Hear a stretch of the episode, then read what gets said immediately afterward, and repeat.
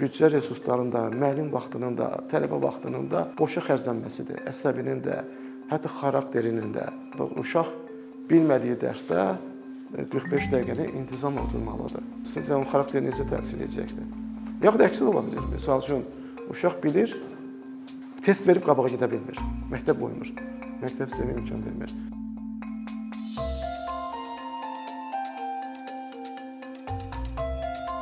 Azərbaycanın təhsildə nə gözləyirik?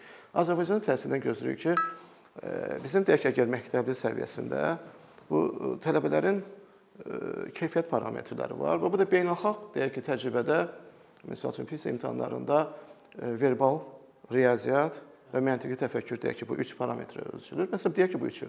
Sonra başqa şeylər də ola bilər. Biz kimsə təhsildən vətəndaşlıq gözləyə bilər. İndi vətəndaşlıq deyəndə hər bir şey başa düşə bilər və bizim kitablar kiməsə nəsə yaza bilər, amma beynəlxalq təcrübədə hətta bizdə başa düşülən vətəndaşlığın biraz biraz da tərsi başa düşülür. Belə ki, daha çox siyasi fəaliyyətlə məşğul olmalıdır bu adam. Əgər bu adam siyasi fəaliyyətlə məşğul olmursa, yəni ətrafında gedən proseslərə biganədirsə, ümumiyyətlə o etik vətəndaş deyil. Yalnız özünü düşünən belə bir egoist adamdır. Hesab edir ki, məktəbin belə bir funksiyası var. Bəziləri də hesab edir ki, belə məktəbin belə funksiyası yoxdur. Onu zorla yükləməyin. Amma birinci mütləq var. Təhsilnamə dedikdə mütləq təhsilin keyfiyyəti var. Amma məsələyə təkcə fərdi perspektivdən baxmayın. Əgər siz dövlətin perspektivindən baxsaq, onun e, qoyduğu deyək ki, hədəflərin içərisində başqaları da olmalıdır. Olmalıdır deyirəm, deyəcəm niyə görə var demirəm, olmalıdır. Çünki misal üçün təhsilin hamı üçün əlçatanlığı. Bu artıq fərdi məsələ deyil. Sonra təhsilin bərabərliyi. Bu gender bərabərliyi də var və kənd şəhər bərabərliyi də var. Və təhsilin e, deyək ki, əhatəsi. Məsələn, məktəbə qədər təhsilin əhatəsi tam deyil. Deyək ki, bizdə universitet səviyyəsində təhsilin əhatəsi çox aşağıdır. Ermənistandan 2 dəfə aşağıdır, Gürcüstandan 3 dəfə aşağıdır, Avropadan bir neçə dəfə aşağıdır. Yəni universitet səviyyəsində bakalavr təhsilinin əhatəsi, yəni deyək ki, faizi 1000 nəfərə düşən adam sayı və s. necə hesablasanız aşağıdır. Bu da bir göstəricidir. Amma hələ heç nə deyil. Təhsillə bağlı bir gözləntimiz də ola bilər ki, təhsil insanların gəlirlərini artırsın. Təhsil eyni zamanda əmək bazarının e, ehtiyaclarına xidmət eləsin.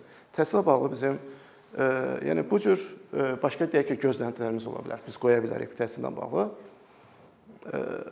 Amma indi gəlin baxağın Təhsil Nazirliyinin 2013-cü ildə o vaxt yeni nazir dəyişikliyi oldu. 2013-cü ildə qəbul etdiyi strategiyaya baxağın. 2013-cü ildə qəbul edilmiş strategiyanın strategiyada 5 hədəf qəbul edibdi və orada keyfiyyətlə bağlı hədəf yoxdur. Qeyd etdiyimiz kimi. Orada da kəmiyyətlə bağlı hədəf yoxdur. Siz birdən fikirləşirsiniz bəlkə yaxın ildə əvəzində e, məzunların sayı, təhsil alanların sayı, müəllimlərin sayı və s. onunla da bağlı hədəf yoxdur. Orada təhsilin əlçatımlığı ilə də bağlı hədəf yoxdur. Orada təhsilin əmək bazarı ilə əlaqəsi də bağlı, əlaqəsi hədəf yoxdur və yaxud təhsil alanların gələcək gəlirlərin artması barədə hədəf yoxdur. Orada təhsilin bərabərliyi ilə bağlı hədəf yoxdur. Hə, nə qaldı? Orada 5 dənə yaxşı maraqlı hədəf var. Bax hesab edin ki fermerik. Yəni mən fermerəm. Kim birimiz kimsə burada fermerdir və e, iri buynuzlu heyvan saxlayır fermada çoxlu və onun ətini və südünü satır. Və sonra e, bir konsultant dəvət edir və deyir ki, bizim üçün, mənim üçün strategiya yaz. Mənim üçün strategiya yaz. Və konsultant da deyir, yaxşı, strategiya yazır və o strategiyada ona 5 dənə hədəf qoyur. O hədəfləri qoyur. Məsələn, e, siz fermer olsaydınız, sifarişdə, o strategiyada nə gözləyərdiniz? O sizə nəyi artırsın? Südü artırsın, əti artırsın satışı artırsın, qiyməti artırsın, keyfiyyəti artırsın ki, bazarı genişləndirsin, düzdürmü? Gəlirləri artırsın. Amma yox, o konsultasiya elə elə ə, hədəf gətirmir. O konsultasiya başqa hədəf gətirir. O isə hədəf gətirir ki, necə deyək ki, inəklər çox yesin. Necə deyək ki, ə, fermanın ərazisi biraz böyüsün və daha, məsələn, parket edək və ya mərmər, parketi söküb mərmər edək. Okay. Təhsil Nazirliyinin hal-hazırda qəbul etdiyi bu hədəflər, 2013-cü ildə qəbul etdiyi hədəflər, yəni nəticə yönümlü hədəflər deyil, resurs yönümlüdür. Məsəl üçün deyir, təhsil infrastrukturunu genişləndirək. Hesab edin ki, siz istəyirsiniz Azərbaycanda elmi genişləndirəsiniz. Və sizə bir nəfər də konsultant, strateq məsləhət görür ki, AMEA-nı, Elmlər Akademiyasının binasını 2 dəfə genişdən deyək, ondan birini də tikək və yaxud ona bir dənə də mərtəbə artıraq yuxarıda və bir də onun döşəməsini mərmərdən edək. Yəni bu Azərbaycan elminə töhfəmiz olar. Baxın, e, bizdə uşaqlar 11 il ərzində ingilis dili öyrənir.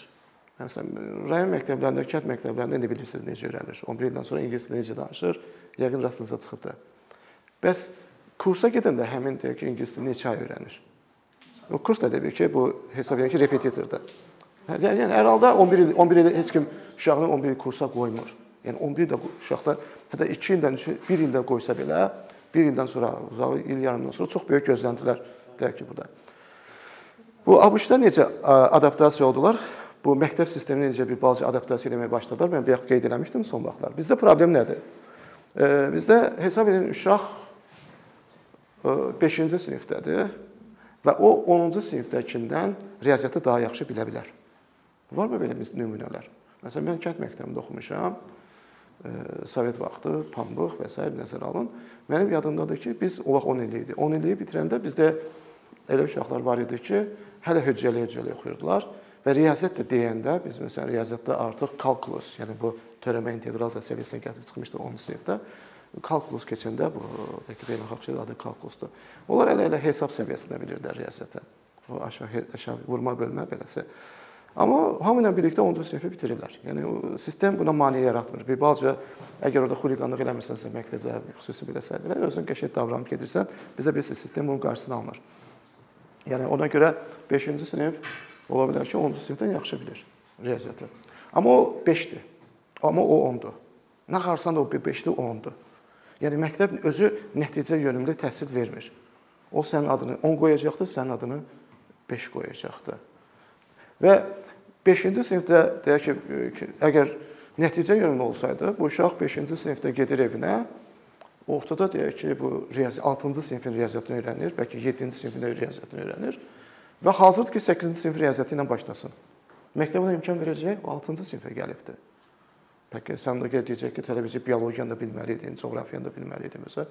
Yox, təkcə riyaziyyat öyrənibdi. Yəni hamı ilə birlikdə məcburdur qayıdıb, yəni imkan vermir məktəb buna qabağa getməyə. Eyni zamanda hətta bu dala qalıbsa, məktəb onu zorla onu otuzdurur, yəni dərslərdə, başa düşmədiyi dərslərdə oturub məsələn müəllim orada həndəsədən danışır. Deyək ki, 10-cu sinif həndəsindən danışır. Bu həndəsədən əvvəldən heç nə tutmayıbdı. Onun üçün sanki başqa bir tanımadığı bir dildə danışır, Çin dilində danışır. O orada 45 e, dəqiqəni əzab çəkəcəkdir, xarakterini sındırmaqdan və məktəbdən yəni şəxsiyyətini öldürüb çıxmaqdan məşğul olacaqdır. Yəni bax bu məktəbin nəticəsi bu olacaqdır. Amma özəl deyək ki, bu repetitorluqda belə şey yoxdur. Effektivdir. Menyu verirsən, hə, istədiyin yerdən, istədiyin yerdən başlayırsan, davam edirsən. ABŞ təhsil sistemində nəyə dəyişiklik verdilər? Bu Elon Muskın dediyinə çox da əksinə belə hələ o Elon Musk şikayət edirsə oradan göründə. Onlar artıq başladılar iki şeydə, dildə və riyaziyyatda. İnsanları test edirlər, adam hardadırsa oradan ona dərs verirlər. Orada artıq 7-ci sinif riyaziyyatı, 8-ci sinif riyaziyyatı yoxdur. Səviyyələri var riyaziyyatın və ingilis dili, necə ki bizdə ingilis dilinin repetitoriyanda qədər səviyyələri var və s. belə. Adam riyaziyyatdan hardadırsa, onu keçir. Və hamı eyni riyaziyyata keçmir. Məsələn, kimlərsə riyaziyyatı hardasa saxlaya bilər. Çünki hamı riyaziyyatı eyni götürmür, amma kimlərsə riyaziyyatı əlavə götürür. Məsələn, universitet riyaziyyatı. Orada CL college level dərslər gedir. Adı CL dərslər gedir, college level. Yəni universitet səviyyəsi. College orada universitet edir. College level deyək ki, universitet səviyyəsi riyaziyyatları götürə bilir. Yəni ki, bu məktəb, orta məktəbi high school. Onlarda gedir primary, basic, high school son 4 il high school-dur. 12 illik. 9 10 11 12 və orada götürə bilər və götürmə ümumiyyətlə riyaziyyatı götürməyə də bilər və yaxud hardasa bir yerdə ilişib algebra səviyyəsində algebranın bir neçə səviyyədə verir. Ən yüksək səviyyəsi AP-dir, bəlkə bir sistemdən tanıyırsınız. Honor var, bu honor səviyyəsi, ondan biraz aşağı. Sonra L1 var, L2 var, yəni level 1, level 2, L3-ə qədər gedir. Yəni müxtəlif adamlara çünki adam gələcəkdə elə bir peşə sahibi seçməyəcək ki, orada riyaziyyat yoxdur. Onun təcrübə yaxud başqa səviyyə, başqa fənlərdə də elədir. Yəni hamı hər şeyi götürməli deyil. Amma hamı kim hardadır? Oradan başlayır riyaziyyata. Kim hardadır, oradan davam edir. Bir balaca bu məsələyə getdilər, amma tam şəkildə hələ də çevik deyil sistem. Yəni mən hesab edirəm Elon Musk onu demək istəyirdi ki, e, baxın universitetlərdə də problem var.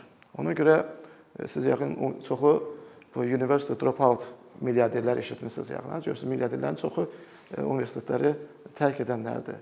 Nəyə görə? Çünki universitet özü də belə bir sistemdir, çərçivədir. Adam hansısa çərçivə, hansısa məqamda artıq çərçivəni tullamaq istəyibdi. Hansısa məqamda çərçivəni tullamaq istəyibdi. Və e, bu pandemiya ilə bağlı əsas dəyişikliklərdən də biri oldu ki, bax Amerika universitetlərində belə idi. E, siz hansısa fənni çox yaxşı bilirsiniz, amma bu universitetdən diplom almaq istəyirsiniz, hətta o müəllimə dərs də keçə bilərsiniz həmin fəndən. Amma siz bu universitetdən diplom almaq istəyirsinizsə, siz həmin fəndə oturmalısınız. Siz həmin fəndə sonuna qədər oturmalısınız. Orada verilibdir siyahıda, o fəndə oturmalısınız. Sonra məni maraqlandıran bir başqa nə gördüm orada? Orada mən gördüm ki, bizim universitetdə orada bir marketinq hissəsi var idi MBA-də və bir də e, maliyyə hissəsi var idi. Maliyyə hissəsi və bir də marketinq hissəsi. Siz e, MBA fənləri götürürsünüz və orada seçmə fənlər var və bir də məcburi fənlər var. Bəli, elektiv bu seçmə fənlərin hesabına. Bizdə də elədir. Bəli, bizdə də elədir. Əslində bizdə də elədir. Elədir, elədir, elədir. Orada sadəcə çox maraqlı bir elementi gördüm. Onu qeyd eləmək istəyirəm. Sadəcə onu nə qədər seçə bilərsiniz onu.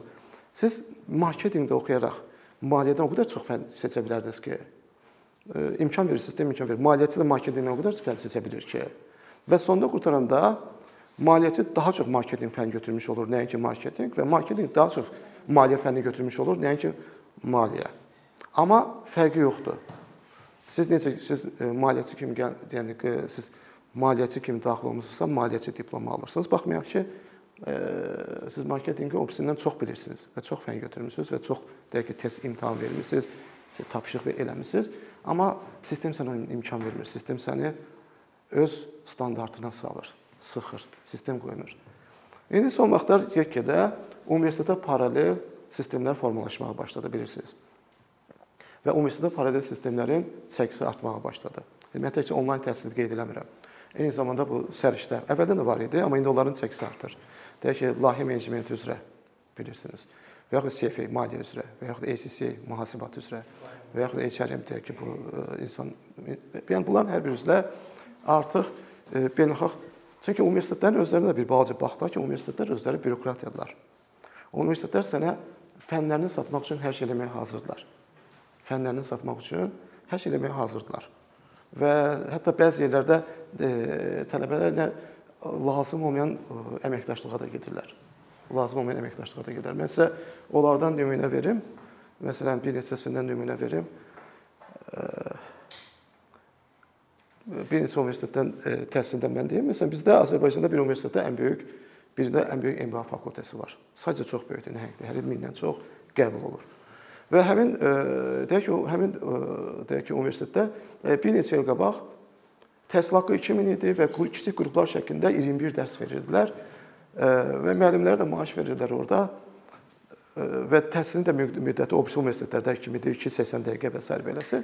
Hesablayanda görürdün ki, hardasa yığılan pulun, yığılan pulun hardasa bir 15%-ni filanı müəllimlərə dağıdırdılar. 15 bəzən nə olsun bəlkə kommunal xidmət zadı nəzərə alsın, bütün xərclər deyək ki, 20% qədər xərclər gedirdi, 80% yığılırdı. Amma e, deyək ki, e, yəni bu keyfiyyətlə bağlı heç nə maraqlı deyil. Yəni oturmuş maraqlara gələcəm. Sistem bir var biz yuxarıdan bu makro səviyyədə, nazik səviyyəsinə baxdıq ki, onlar artıq hədəfləri qoymaqda maraqlı deyillər və onları izləməkdə maraqlı deyillər. İndi baxaq görək məktəblər nə edirlər. Məktəb misal üçün nədir? Gəldi qəşəng bir neçə bundan qabaq ilk dəfə təhsil haqqını qaldırdı. Əvvəl 50% qaldırdı, sonra yenə qaldırdı, sonra yenə qaldırdı. Bir də tap tap tap da 2000-dən 5000-ə qədər hissə-hissə qaldırdı. E, sonra başladı bununla doymadı.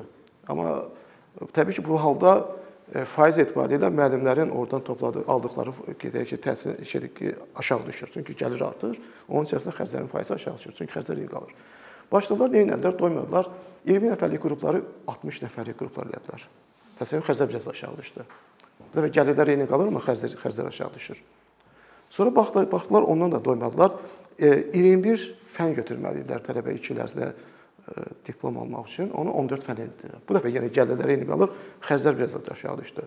Sonra baxdılar, onunla da doymadılar. bayaqdan 2-80 dəqiqə idi. Deyək ki, bu bu onun da müddətini biraz aşağı saldılar. Təbii ki, orada müəllimin də maaşını proporsional olaraq aşağı saldılar. Xərclər yenə biraz aşağı düşdü. Və sonda xərclər cəmsi bir təxminən 1-2% arasında oldu. Bütün gəlirlərin 1-2% arasında oldu. Və soruşa bilərsiniz ki, bu 98% gəlirlər hara gedir, bilmirəm. Bu, yəni amma indi təsəvvür edin ki, siz indi həmin e, müəssisədən e, bu keyfiyyət istəyirsiniz. Mən soruşdum rektordan, orada bir məsələ mənə gəldi və rektora dedim. Və dedim ki, belə-belə. Mənə dedi ki, bax belə dedi, olduğu kimi statı, stat başçısı. Dedi, MBA bizim universitet üçün ciddi gəlir mənbəyidir. Statın sonu. Yəni arqument budur. Okay, yəni sən keyfiyyət istəmə burdan. Yəni onun əsasında universitet ayaq üstə durur. Onun əsasında bu stakeholder, universitetin stakeholderləri, himayədarları və s. belə hamısı razı qalır. Sən orada keyfiyyət istəyəndə və hansı keyfiyyət tələb edəndə keyfiyyət olmayacaqdır. Çünki e, vaxtilə lap əvvəllər o həmin MBA-də e, xüsusi qrup var idi. Universitetin belə bir e, ümumiyyətlə əmnəsi var idi bakalavr təhsildə öyrənmişdi. Xüsusi istedadlar qrupu kimi yaratmışdı. Sonra MBA-də də bir xüsusi qrup yaratmışdı. Və orada gedib və orada gedib dərs dedim. Orada problem yox idi. Yəni orada rüşvət falan peşməkan yox idi. Qalan hissə bardaqdır. Yəni bir balaca bir kiçik qrup var. İkincə fərq bilər. Bu XIG var. İndi sonra adı da ISED-ində dəyişdi ki, bu o var və bir də qalan hissə var. Düzdürmü? Universitet iki hissədən ibarət. Eləcə də MBA də iki hissədən ibarət idi. Sonra yəni mən dediyim o islahatlar baş verəndə, o qiymət islahatları baş verəndə onu ümumiyyətlə dağıtdılar. O 60 nəfərlik qruplar və s. belə artıq elə şeylər yox idi, onu dağıtdılar. Yəni bunların maraqları budur. Odur ki, bizim üçün ciddi gəlir mənbəyidir. Baxın, artıq o deməkdir ki, onlar universitetə başqa gözlə baxırlar və bu belə olmağı da təbiidir. Dövlətin rolu nə ola bilər? Dövlətin bir dənə çox yer gəlmişkən yaxşı institutu var. İndi orada orada testlərin keyfiyyəti məsələsi dəyişir də, yaxşılaşır da, daha da yaxşılaşdırmalı. Dövlət imtahan mərkəzi var. O hamı üçün standart testlər verir. Bax o yaxşıdır. Amma onu müxtəlif səviyyələrdə eləmək lazımdır. Deyək ki, e, biz istəyirik ki, tələbə riyaziyyat öyrənsin. Tələbə riyaziyyat öyrənsin. E, bu riyaziyyatdan səviyyələr qoymaq lazımdır. Və həmin deyək ki, Dövlət İmtahan Mərkəzi hamı üçün standart testlər yaratmalıdır. Necə ki, məsələn bilirsiniz, xaricdə SAT testlər var. Hətta SAT-nin ayrıca subject testlər var, riyaziyyatı var, riyaziyyatda 2 səviyyəsi var, nəmin fizikası və s. Və testlər qoyur adam göstərir ki, hə mən 5-dən 6-ya keçməyə hazıram, 6-dan 7-yə keçməyə hazıram. Testi verir. Amma bunu harda öyrənirsən öyrən. İstəsən məktəbdə öyrən. Bəzi şeyləri get məktəbdə götür, bəzi şeyləri evdə götür, bəzi şeyləri tətil vaxtı götür. Bəzi şeyləri də götürmə. İstəmə, yəni Amma tutaq ki, bəzi şeylər mütləqdir. Hamı deyək ki, riyaziyyatdan məsələn ən azı 15 semestr dərs götürməlidir. 22 semestrimiz var axı deyək ki, bu 11 ildə. 15 semestr riyaziyyat götürməlidir. İndi o kim harda dirənəcək, dirənəcək. Amma kim istəsə deyək ki, 22 semestr 22-sini də götürə bilər. Riyaziyyatdan biraz da qabağa gedə bilər və s. imkan yaratmaq lazımdır. Məktəbdə götürməyəcək, istədiyi yerdə götürəcək. Harda effektivdir, orada götürəcəkdir. Sonra bax baxın, e, məktəbə o qədər sistemə o qədər aludə olublar ki, bax bizdə olimpiadalara uşaq göndərirlər. Güləş olimpiadasına müxtəlif adamları göndərəndə orada kateqoriyaları nə nədir? Bilirsiniz, çəki nədir? Bəs riyaziyyat olimpiadasında göndərəndə nə ilə olmalıdır? Siniflərə görə.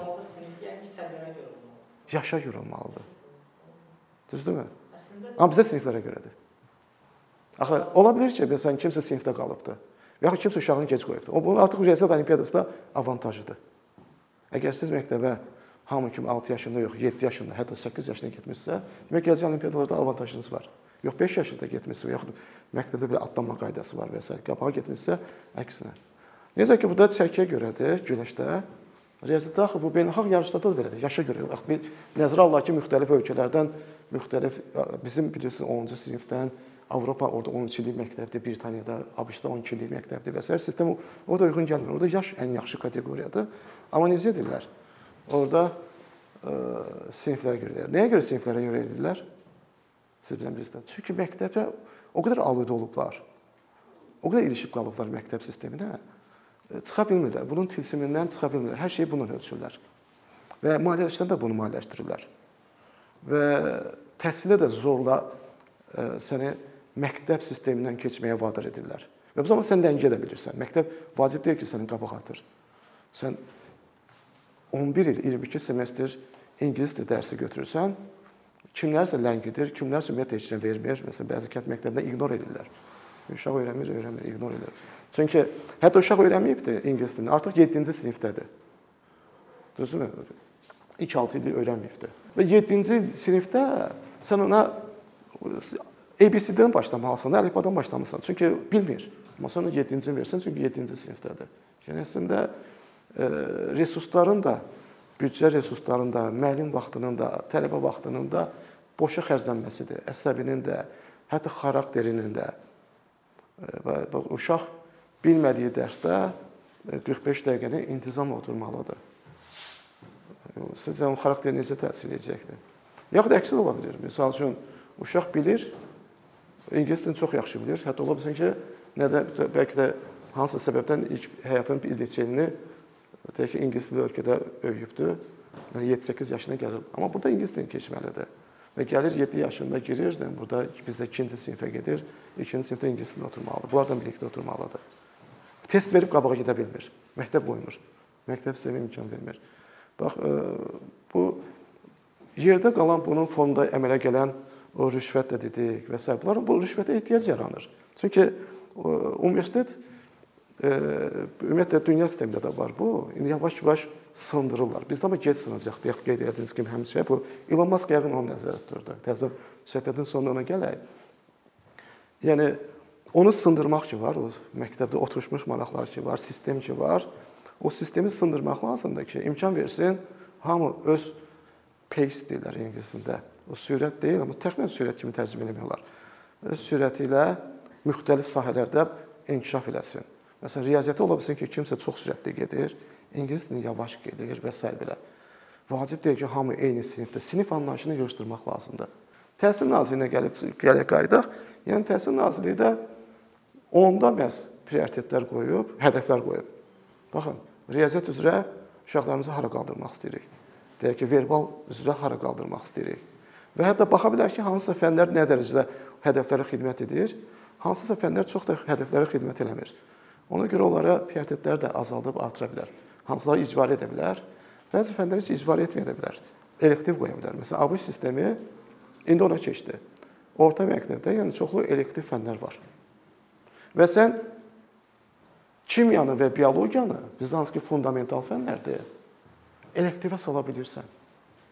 Bu şərtdən ki, sənin orada IT proqramlaşdırma və riyaziyyat deyək ki, təmayüllüsən və kimya və biologiya kimi fənləri ya onları aşağı səviyyədə götürürsən, ümumi tanışlıq kimi, yaxud ümumiyyətlə elektivə salıb çıxara bilirsən. Çünki orada e, kimya, biologiya və daha bir neçə fən science kateqoriyasına gedir və səni məcbur edir ki, hər il bir dənə science fən götürəsən, hər semestrdə. Science high school edir bunu, high school da 4 son 4 ildə science fənni götürə bilərsən. O science kimya da ola bilər, biologiya da ola bilər, başqa şey də ola bilər. Hətta sosial elmlər var orada artıq.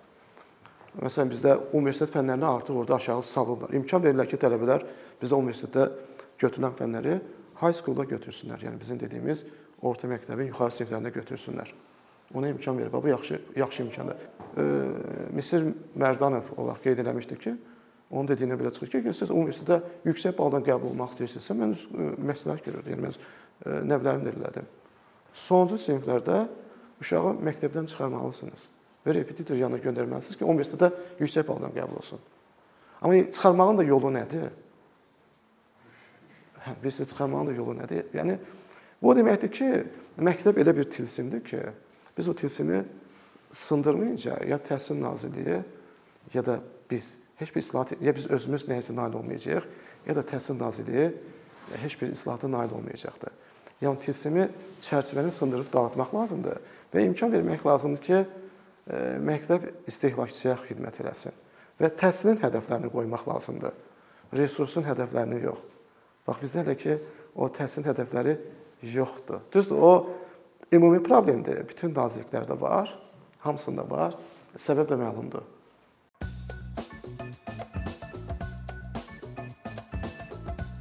Bir neçə ildir ki, əkinçi olaraq Azərbaycanlı izləyicilərin hər zaman faydalana biləcəyi keyfiyyətli və ən əsas ödənişsiz kontent hazırlamağa çalışırıq. İndiyədək təqdim etdiyimiz onlarla animasiya və yüzlərlə çəkilişlər tələbələrin, mütəxəssislərin, müəllimlərin və ümumiyyətlə yeni mövzulardan xəbərdar olmaq istəyən çox sayda insanın marağına səbəb olub.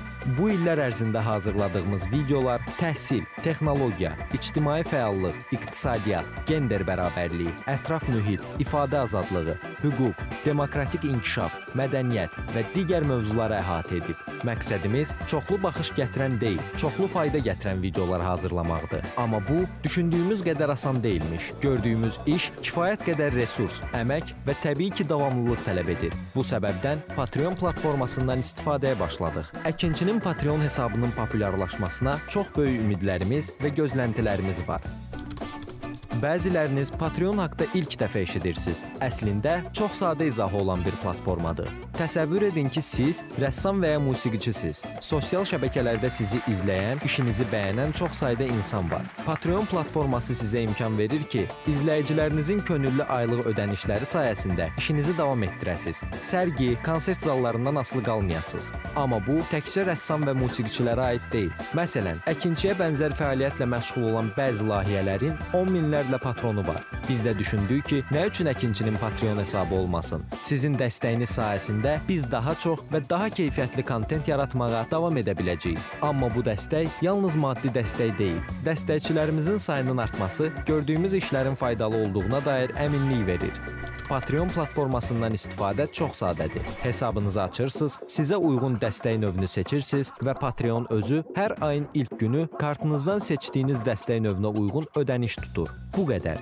Sonda onu demək istəyirik ki, dəstəkçilərin sırasına qoşulmaq istəyən, amma məhdud imkana görə bunu edə bilməyənlər narahat olmasın. Daha öncə dediyimiz kimi, bizim əsas məqsədimiz daha çox insanın hər zaman faydalana biləcəyi keyfiyyətli və ödənişsiz kontentin yaradılmasıdır.